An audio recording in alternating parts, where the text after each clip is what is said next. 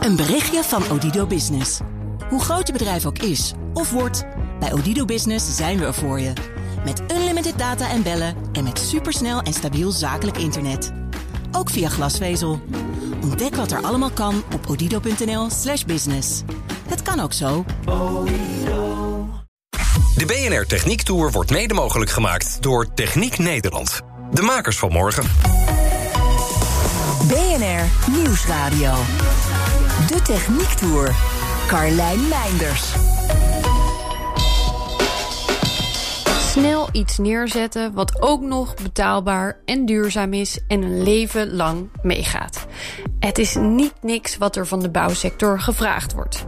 Maar er zitten partijen tussen voor wie dat als muziek in de oren klinkt. Vandaag spreek ik met een aantal experts op het gebied van snelbouw.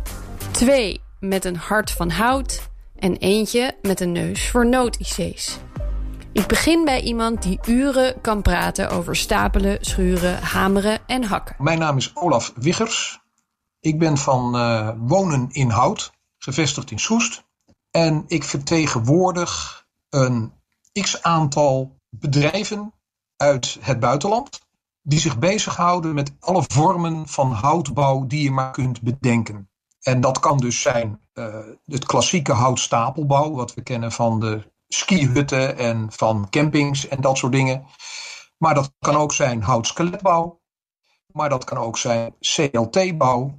En dat kan zijn in de doe-het-zelf uitvoering of in prefab. Eigenlijk elke vorm die je maar kan bedenken, die kunnen we leveren. Ja, uh, waarom hout? Hout is een fantastisch flexibel materiaal. Geeft in de bouw eigenlijk alle mogelijkheden die in beton en staal altijd moeilijk, lastig zijn en uh, duur zijn. En het kan ook doorgaans heel erg snel. En dat is natuurlijk in de huidige tijd een heel prettige bijkomstigheid. En, en wat zijn dan een paar voorbeelden van die dingen die bij andere materialen lastig zijn, maar wat bij hout makkelijker op te lossen is? Bijzondere vormen. En uh, wat natuurlijk een, een, een bijkomend voordeel is geworden, is dat uh, hout natuurlijk geen CO2 en PFAS problemen oplevert. Plus het feit dat we werken met bedrijven die alles laten transporteren door bedrijven met uh, Euro 6 norm vrachtwagens. Want ja, er zal vervoerd moeten worden. Daar ontkomen we niet aan. En op de bouwplaats kan alles met een hele eenvoudige, lichte elektrische kraan op zijn plek gezet worden ik neem aan dat je, uh, want wat hout produceren is wellicht duurzaam, maar bomen kappen kan ook weer nadelen hebben. Dus dat je ook in die fase van het, van het geheel kijkt hoe dat zo duurzaam mogelijk kan. Dat is het uh, voorafgaande proces geweest met het samenwerken met de bedrijven waar we mee werken. We werken alleen met producenten die met eerlijk hout werken. Deze bedrijven werken dus vaak met eigen concessies op het gebied van hout, kap. En zorgen dus ook dat ze dat kunnen volhouden door te herplanten, et cetera. En dat vind, vond ik om met hout te gaan beginnen in de bouw wel een van de belangrijke dingen. Het behoud van bossen, daar zijn we ons inmiddels wel terdege van bewust. En ik wil niet in het, uh, in het uh, traject terechtkomen, want we maken ons druk over de ontbossing in het Amazonegebied. Maar kijk eens wat er in, Noord, in Rusland gebeurt daar is, daar is dat nog een, ja, een veelvoud erger wat daar aan roofbouw op de bossen gepleegd wordt. En ik wil niet dat het hout waar onze bedrijven mee werken, dat dat daar vandaan komt.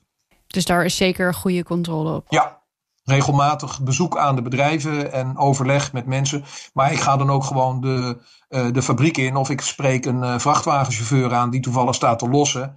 En dan uh, gewoon een leuk praatje. Waar kom je nou vandaan, et cetera. Want ja, CEO's kunnen van alles vertellen, maar de werkvloer weet vaak meer. Hier is duidelijk iemand aan het woord die om is. Maar als we naar het totale plaatje kijken, wordt er in Nederland dan wel veel gebouwd met hout? Uh, ik kan het op dit moment bijna niet bijbenen. Mijn vraag komt vooral op dit moment uit de particuliere sector. De, de particulier neemt hier toch echt het initiatief. Dat heeft te maken met dat onze conventionele uh, aannemers nog steeds in de lineaire denkfase zitten. Dus cement, steen, beton uh, enzovoort. Die slag wordt nu gemaakt, maar de particulier heeft die al veel eerder gemaakt. Nou is duurzaamheid één ding, Maar er is nog iets dat bouwen met hout aantrekkelijk maakt. Het is een stuk goedkoper. Heel veel woningen laten we prefabriceren. Dat betekent dat dus in een werkplaats, in een beschermde omgeving, in Europese Unielanden, want dat zijn het voornamelijk, uh, in de fabrieken de panelen worden aangemaakt. Maar ja, de lonen liggen in die landen nou eenmaal wat lager dan bij ons. En de ervaring erin is zo verschrikkelijk groot dat dat gewoon veel sneller gaat. En sneller is tijd en tijd is geld. Nou zou je ook kunnen zeggen: het is niet zo netjes om je hele productie elders lekker goedkoop te laten plaatsvinden, terwijl het hier in Nederland ook werk op zou kunnen leveren. Maar daar is Wigger streng in. Dan moet het hier eerst wel veranderen. A, ik moet, ze moet, we moeten het hier nog allemaal uitleggen. En ik ben wel met aannemers bezig die over willen. En dan gaan wij een huis plaatsen met uh, de buitenlandse bedrijven. Maar dan loopt de aannemer mee en die doet daarmee zijn ervaring op met zijn mensen. En de volgende huis gaan ze gewoon zelf plaatsen. En daar gaan we wel naartoe. Maar ja, uiteindelijk is het allemaal, mensen kunnen wat een huis kopen als het betaalbaar wordt. Dat is een beetje het probleem. Als we 100% het in Nederland zouden doen, zou het min of meer onbetaalbaar worden. Maar daarbij ook, we hebben de capaciteit hier niet. Laten we heel even teruggaan naar al die verschillende manieren waarop je met hout kunt bouwen. Je hebt de oeroude skihutstijl stapelbouw. Je hebt het standaard houtskelet en er is CLT-bouw, kruislaaghout. Allemaal in staat om Finse winters aan te kunnen. Maar hoe zit het met iets als brandveiligheid? Je zou zeggen, een huis van hout fikt als een gek. Nou, dat is dus het leuke. Een, een staalconstructie en een betonconstructie storten in, maar een houtconstructie niet.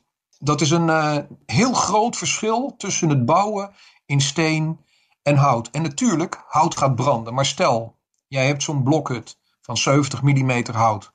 En je steekt hem aan de buitenkant aan. Om te beginnen geef ik je te doen om het aan te steken. je moet al echt een tijdje vuur bijhouden voordat hout gaat branden. Dan duurt het meer dan een uur zelfs voordat aan de binnenkant de vlammen eruit slaan. En uh, dus is de constructie is nog steeds in stand. En uiteraard, naarmate het verder verbrandt, wordt het zwakker. Maar eigenlijk door het branden ontstaat ook de bescherming van het hout tegen brand. Want de kool die aan de buitenkant ontstaat, is eigenlijk meteen weer een schild. En dan is het ook nog zo: hoe massiever het hout, hoe minder goed het brandt. Nou leveren dingen als lijm in het productieproces nog steeds CO2-uitstoot op. Maar ook daarvoor komen langzaamaan alternatieven. Net als dat er elektrische kettingzagen en elektrische zaagmachines in de fabriek komen. De grootste uitdaging blijft volgens Wiggers voorlopig de hoge prijzen van en het tekort aan grond. Maar er is nog iets wat Wiggers graag anders zou zien. Leuke, betaalbare, sociale woningen op uh, tijdelijke basis op grond van uh, gemeentes. Ik krijg heel veel vraag voor, uh, zeg maar, noem het maar even de studentenwoning. Alleen dat ziet er allemaal niet uit natuurlijk, wat daar gebouwd wordt. En dat gewoon gemeentes eh, bepaalde stukken grond vrijgeven. Ze hebben allemaal een probleem voor jongerenhuisvesting en ouderenhuisvesting. Hè, één- en twee persoons huishoudens. En we hebben in Nederland een masterplan wonen 2020. Waar uh, nergens aan voldaan kan worden. En we kunnen dat in een razend tempo oplossen. Probleem ligt hem bij de, het vergunningenstelsel en de, ja, de, de snelheid waarmee dit soort dingen gebeurt. Als je bij iedere stad bij iedere grotere stad een, een terrein van pak een beet 4,5 hectare, 5 hectare zou kunnen vrijmaken, dan kunnen wij daarvoor, en dan heb je nog steeds een redelijk ruime opzet, dan zit men niet op elkaar en in elkaar, kunnen wij zo rond de 600, 700 uh, wooneenheden creëren, waarbij we uh, niet grondgebonden zijn, zoals dat in de, techniek, in de technische termen heet. Oftewel, we hoeven doorgaans niet te heien. Het kan gewoon neergezet worden. En dat hele park kunnen we dan ook nog eens 100% energie-neutraal gegarandeerd opleveren. En het kan allemaal makkelijk weer weggehaald worden, mocht dat tijdelijk nodig zijn. Alles kan uh, eigenlijk net zo snel als dat het neergezet wordt, en dat is echt in dagen, uh, kan dat ook weer uh, verwijderd worden. En kun je het op een andere plek neerzetten. Je zou dan dus als student een plekje met aansluitingen kunnen huren. En als je naar een andere stad gaat, dan neem je je huisje gewoon mee en huur je daar een nieuwe plek. Je kunt het ook gewoon altijd prefab aanpakken. Dat doen ze bijvoorbeeld binnen het modulaire bouwconcept van Max Small. Je kiest de hoogte, je kiest de lengte, je kiest de afwerkingen, maar in de basis zijn de ontwerpen gelijk. Architect met bouwachtergrond Maarten Nieuwenhuizen, de tweede man met een hart van hout, noemt nog even een van de voordelen van het materiaal. Ja, het is heel uh, goed prefab te maken, dus je kunt het heel goed uh, transporteren. En dat is ook ons concept. We bouwen de elementen eigenlijk helemaal in een fabriekssituatie uh, zo af mogelijk. Dus met binnen- en buitenafwerking in de elementen, inclusief leidingwerk. En vervolgens transporteren we die elementen naar de bouw. Nou, dat, die, die elementen zijn dan relatief licht, omdat ja, ze uit een houten skeletconstructie bestaan. Ik zie dan voor me dat er een half huis op een vrachtwagen mee moet. Hoe groot zijn die stukken woning? Wat wij doen, dat, dat is eigenlijk een wand en een dak in één geheel maken. Dus we maken segmenten, wand-daksegmenten. Die zijn qua uh, afwerking hetzelfde, zowel op het dak als op de wand. Dus we hebben eigenlijk een hele eenvoudige schil. Als je met je handen uh, een huisje maakt, dus dat je je vingers naar elkaar toe beweegt... Uh, dat je zo'n huisje maakt, dat, dat is eigenlijk de vorm van ons huis. En um, we maken op die nok verbinden we eigenlijk de elementen. Dus die, we maken eigenlijk een soort schaaldelen, geknikte schaaldelen... die we op de bouw neerleggen, aan elkaar klikken en rechtop zetten... en vervolgens tegen elkaar aanschuiven. Dus eigenlijk wordt het huis in, in stukjes van, uh, in, die, in die segmenten van 1,20 meter of 2,40 meter lang geproduceerd naar de bouw toegebracht en daar afgemonteerd. Dus nee, we rijden niet met halve huizen over de snelweg, maar echt met prefab elementen waar we razendsnel een huis mee kunnen assembleren op locatie. Ja, en als je zegt razendsnel, hoe snel is dat dan? De snelheid waarmee we kunnen bouwen wordt bepaald door onze uh, toeleverancier van de houtskeletbouwelementen. En die kan twee woningen per dag compleet uh, leveren.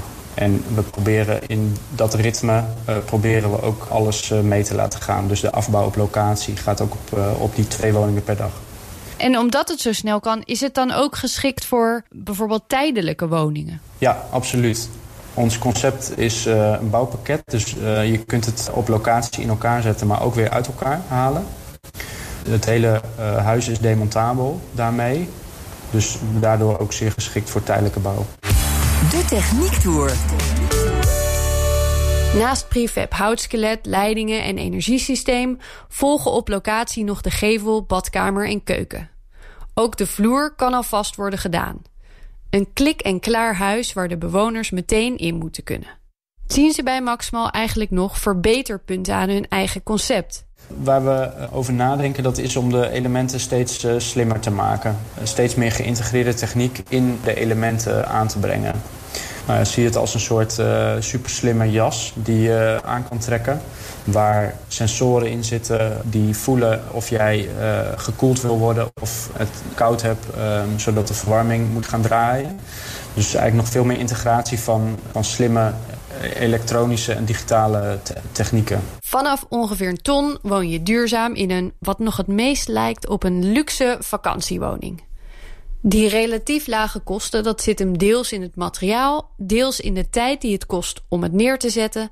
Maar er is nog iets anders. Het heeft ook te maken met dat je faalkosten reduceert. Dus dat je de, de kosten die verloren gaan door, door iets op de, dat er op de bouw iets fout gaat, die, die reduceer je ook enorm. Dus daar hangen ook die lagere kosten mee samen.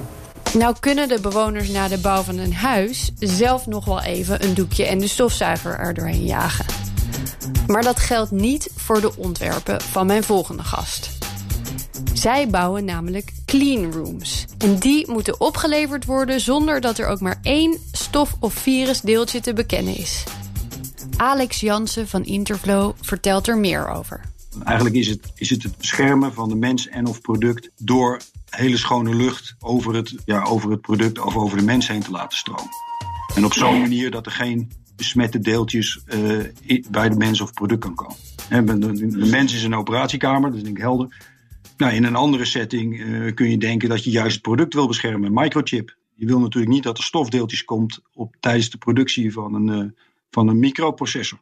Want die, die worden dan in elke microprocessor wordt dat, wordt dat stofdeeltje ingekopieerd. En dat, dan gaat de, de werking van die, van die microprocessor gewoon onderuit. Maar microchips gaat het tegenwoordig zover dat het zelfs op moleculair niveau probeer je contaminatie te voorkomen. Dus zelfs in de, in de kits bijvoorbeeld die je gebruikt om naadjes dicht te maken, mogen er geen uh, bepaalde stoffen zitten die uitdampen. Die mogelijkerwijs op de oppervlakte van, uh, van, van de materialen terechtkomen, omdat die ook al schade berokkenen. En hoe krijg je dat in hemelsnaam voor elkaar allemaal? Uh, door eigenlijk altijd te beginnen bij het klantproces. He, we, we, nogmaals, ik, het is natuurlijk hartstikke leuk wat wij doen. Maar uiteindelijk bouwen wij een ruimte om een werkproces van een klant heen. Het gaat om wat de klant nodig heeft om het mens of het product te beschermen. En wij beginnen dus ook altijd bij wat is het werkproces van de klant? Wat wil die bereiken? Uh, wat zijn de eisen? Want voor heel veel, bijvoorbeeld de productie van medicijnen en operatiekamers, daar liggen gewoon hele duidelijke basiseisen aan vast waar het aan moet voldoen. Maar dan is het nog eens een keer afhankelijk van welke type operatie, welk type medicijnen. Eh, ja, dan heb je dus nog richtlijnen. En dan heb je nog de, de, de wensen van de, van, de, van de gebruikers of de mensen die, die daar in die, in die laboratoria, in die ruimtes werken. Nou kunnen ze bij Interflow grote ruimtes bouwen, maar ook hele kleine, vertelt Jansen. Microbiologische veiligheidskast bijvoorbeeld. En waar je medicijnen in kan bereiden. Of in een wat complexere uh, kast, dat kan een isolator zijn. Misschien ken je dat wel van tv. Dat zijn die dingen met die handschoenen degene die medicijnen aan het bereiden is, zit aan de buitenkant. En die, steekt dan, die is aan, aan het bewerken via die handschoenen in de kast. Maar die, die kast, dat is eigenlijk al een kleine cleanroom. Ja. Uh, daarnaast heb je dan ook nog eens een keertje, omdat het vaak over niveaus van containment gaat, van, van, van afscherming, dat je een cleanroom in een cleanroom in een cleanroom maakt. En dat je het mechanisme eigenlijk altijd zo is dat je probeert van de schoonste ruimte een overdrukt naar de iets minder schone ruimte. Ja, dus je duwt eigenlijk de, de uh, viezere lucht met de schone lucht weg. Juist, dat is eigenlijk wat je doet. Als we dan kijken naar alle techniek die jullie nodig hebben om zo'n clean room te maken, wat vind je dan allemaal in de muren, in het plafond en in de hele constructie? Wij bouwen altijd box in box. Oftewel, we hebben eerst een, we hebben eerst een uh, huisje nodig, of een ruimte nodig, die wind- en waterdicht is. Onze cleanrooms, die, uh, die, die kunnen we niet zomaar in het veld zetten. Daar zijn ze niet geschikt voor. We hebben dus eerst een, een, een, een, ruimte nodig. En in die ruimte bouwen wij als het ware de cleanroom. Plat gesproken het hokje of de ruimte. En dat doen we met ons eigen wandsysteem. Die hebben we zelf ontwikkeld. In die wanden, die, daar, kunnen alle daar kan alle techniek en alle, ook zelfs de luchtbehandelingskanaal. De wand is lucht, kan ook luchtbehandelingskanaal zijn. Dus de, daarmee is de, de cleanroom aan de binnenkant helemaal flush, helemaal vlak. En dat is met name belangrijk in de farmacie en in de gezondheidszorg omdat daar uh, met contaminatie met gevaarlijke bacteriën en, en, en deeltjes wil je zorgen dat je, dat je maximaal kan schoonmaken. En elk naadje in een wand en elk, elk kiertje en elke hoek is een potentiële zeg maar, uh, ophoping van schadelijke deeltjes. Dus je wil alles zo vlak mogelijk hebben. Nou, daar hebben we zelf een wandsysteem voor ontwikkeld. Nou, daarmee bouwen we als het ware, en ook een plafondsysteem. Daarmee hebben we dus eigenlijk een, een bouwkundige schil. Waar alle technieken in zitten, waar ook de luchtbehandeling, in ieder geval de luchtkanalen in zitten. En daarbuiten ontwerpen we dan zelf de volledige uh, luchtbehandelingssystemen, filtratiesystemen, meterregel en elektrasystemen. En wat is de grootste uitdaging daarbij? Nou, de, ja, misschien is de uitdaging is wel een leuk woord. Ik moest er even wat langer over nadenken. Een cleanroom moet altijd voldoen aan prestaties. Er ligt van tevoren vast wat de reinheidsklasse is van een cleanroom. Uh, anders dan in de utiliteitsbouw kunnen wij, willen wij dan ook van het begin tot het einde verantwoordelijk zijn, maar ook erbij betrokken zijn. In de normale traditionele bouw zie je vaak van dat een ander het ontwerp maakt. En dat dan de bouwer het moet bouwen. En uh, ja, dan heb je wel eens vaak dat het niet werkt zoals afgesproken. En dan is even de vraag wie is er dan van. Maar bij een cleanroom is altijd uh, van tevoren als je begint, ligt, ligt vast hoe schoon die cleanroom moet zijn. En wat voor luchtsnelheden, nou, et cetera, hoe dat ding moet werken. Dat kun je ook meten. Dat moet ook zelfs jaarlijks gemeten worden om omdat vaak in een operatiekamer of in een farmacieutische omgeving, omdat gewoon aangetoond moet worden dat de faciliteiten geschikt zijn om die handelingen te verrichten. Ja. Dus anders dan in een, in een kantoorgebouw of in een woning, waarin je nog eens een keer met elkaar door het gebouw kan lopen en kijken wat verwarming doet, wordt bij ons regelmatig gemeten in hoeverre een cleanroom uh, ook uh, aan de prestatie blijft voldoen. Dat is de reden waarom ze zelf ontwerpen, zelf bouwen en zelf onderhouden. Ze zullen niet zo snel een ontwerp van iemand anders uitvoeren om de simpele reden dat je de risico's zelf in handen wil hebben. En het is gewoon duidelijk voor de klant. Werkt het niet, dan weet je precies bij wie je moet aankloppen. Tussen steeds duurzamer en onfaalbaar zit wel enige frictie. Alles moet het altijd blijven doen, maar je zou het liefst minder verbruiken. Hoe los je zoiets op? We ontwerpen hele duurzame cleanrooms, maar we zullen geen concessies doen qua veiligheid en qua performance. En dat houdt dus in dat wij nou ja, er dus voor kiezen om, om toch bepaalde meet- en regelsystemen erin te zetten en, en, en ventilatoren, om maar te zorgen dat dingen wel in de cleanroom op een juiste manier invulling krijgen. Wel verwachten dat in het grootste deel van de gevallen het wel goed zal komen. Ja, als je, als je niks hebt om het te corrigeren, kun je, kun je het op het moment dat het niet goed is ook niet corrigeren. Ja, ik kan me voorstellen dat dat betekent dat je gewoon bepaalde systemen nodig blijft hebben die misschien wat meer stroom verbruiken. Ja, wij kiezen altijd uh, sowieso. Ik, ik, wil niet de indruk wekken dat wij geen duurzame cleanrooms bouwen. Want ik denk dat wij een van de duurzaam, binnen de cleanroomwereld een van de meest duurzame cleanrooms bouwen. En wij zorgen altijd dat we grotere kanalen nemen, waardoor je minder uh, drukverliezen hebt. We zorgen dat we grote filteroppervlakken hebben om hetzelfde verhaal. We hebben minder, minder, minder uh, drukverlies en dus minder motoren die zeg maar, laag energieverbruik hebben, LED-verlichting. ons wandsysteem is herbruikbaar. En dus eigenlijk hebben we een heel, hele circulaire cleanroom gebouwd. Maar nogmaals, uiteindelijk ook om in de meest extreme omstandigheden. Moet je je voorstellen als de buiten, buitentemperatuur 30 graden is, of voor mij 35 graden. En je moet in die cleanroom een bepaalde luchtvochtigheid en een bepaalde condities neerzetten. Ja, dan moet je wel die overmaat en installatie hebben om die extreme dagen in het jaar ook op te vangen. En ik neem ook aan dat dat betekent dat je voor sommige systemen een backup systeem moet hebben. Exact. En dat zijn juist de dingen die je met, dan, met de opdrachtgever overlegt. Uh, maken we dan een backup systeem? En, en is het dan ook, uh, gaan we dan 100% backup doen? Of zeggen we we doen uh, twee kleinere machines? Dus mocht het op ontstaan dat er een calamiteit ontstaat, dat je op een nette manier kan afschakelen. Hè? Nou ja, goed. En daarmee kan je toch ook je investeringen een optimum vinden tussen performance, prestatie, en, maar ook het werkproces van de klant. Tot nu toe hebben we het gehad over de bouw van een cleanroom. Maar deze uitzending gaat natuurlijk over snelbouw. Nou kan zo'n cleanroom ook in een wat meer tijdelijke vorm worden gebouwd. Uh, wij kregen op een gegeven moment de vraag van ASML of wij cleanrooms konden bouwen uh, die in grootte aanpasbaar zijn, in, uh, maar ook in prestatie, in de zin van wel of niet koeling en wel of niet bevochtiging. Want zij, zij zetten cleanrooms neer om, om apparatuur en, en onderdelen uh, op een schone manier te verpakken, schoon te maken, ook voordat het naar de klant gaat. En daar hebben ze dus wereldwijd cleanrooms voor nodig. Maar die cleanrooms die worden geregeld op een andere plek, uh, zijn die nodig. Dit ene jaar staan ze in dit warehouse. En best mogelijk dat ze een jaar erop uh, de boel moeten verhuizen naar een ander warehouse. Of dat de, dat, dat de cleanroom twee keer zo groot moet worden omdat ze meer van die machines verkocht hebben. En zo gingen ze aan de slag met een flexibele variant van de cleanroom. Het lukte ze om er in twee weken eentje neer te zetten van 450 vierkante meter. Het was dan ook niet zo gek dat er tijdens de coronacrisis ineens bij ze werd aangeklopt door GAF-architecten met de vraag of dit snelle ontwerp voor de high-tech-industrie niet ook zou werken als nood-intensive care. In twee weken stond er een ontwerp, klaar voor gebruik in iets als een sporthal bijvoorbeeld. Een bijzonder project om een bijdrage aan te kunnen leveren.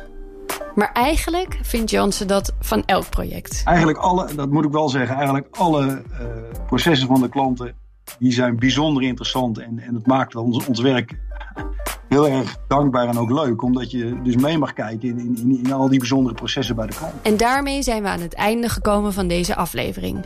Volgende week de techniek achter vliegtuigen. Nu ze vrijwel allemaal aan de grond staan, kunnen we het eens goed hebben over innovatie. Tot dan vind je alle afleveringen van de Techniek Tour online en in de app. De BNR Techniek Tour wordt mede mogelijk gemaakt door OTIP. Binnenkort Wijtechniek. Een berichtje van Odido Business. Hoe groot je bedrijf ook is of wordt, bij Odido Business zijn we er voor je. Met unlimited data en bellen en met supersnel en stabiel zakelijk internet. Ook via glasvezel. Ontdek wat er allemaal kan op odido.nl/slash business. Het kan ook zo.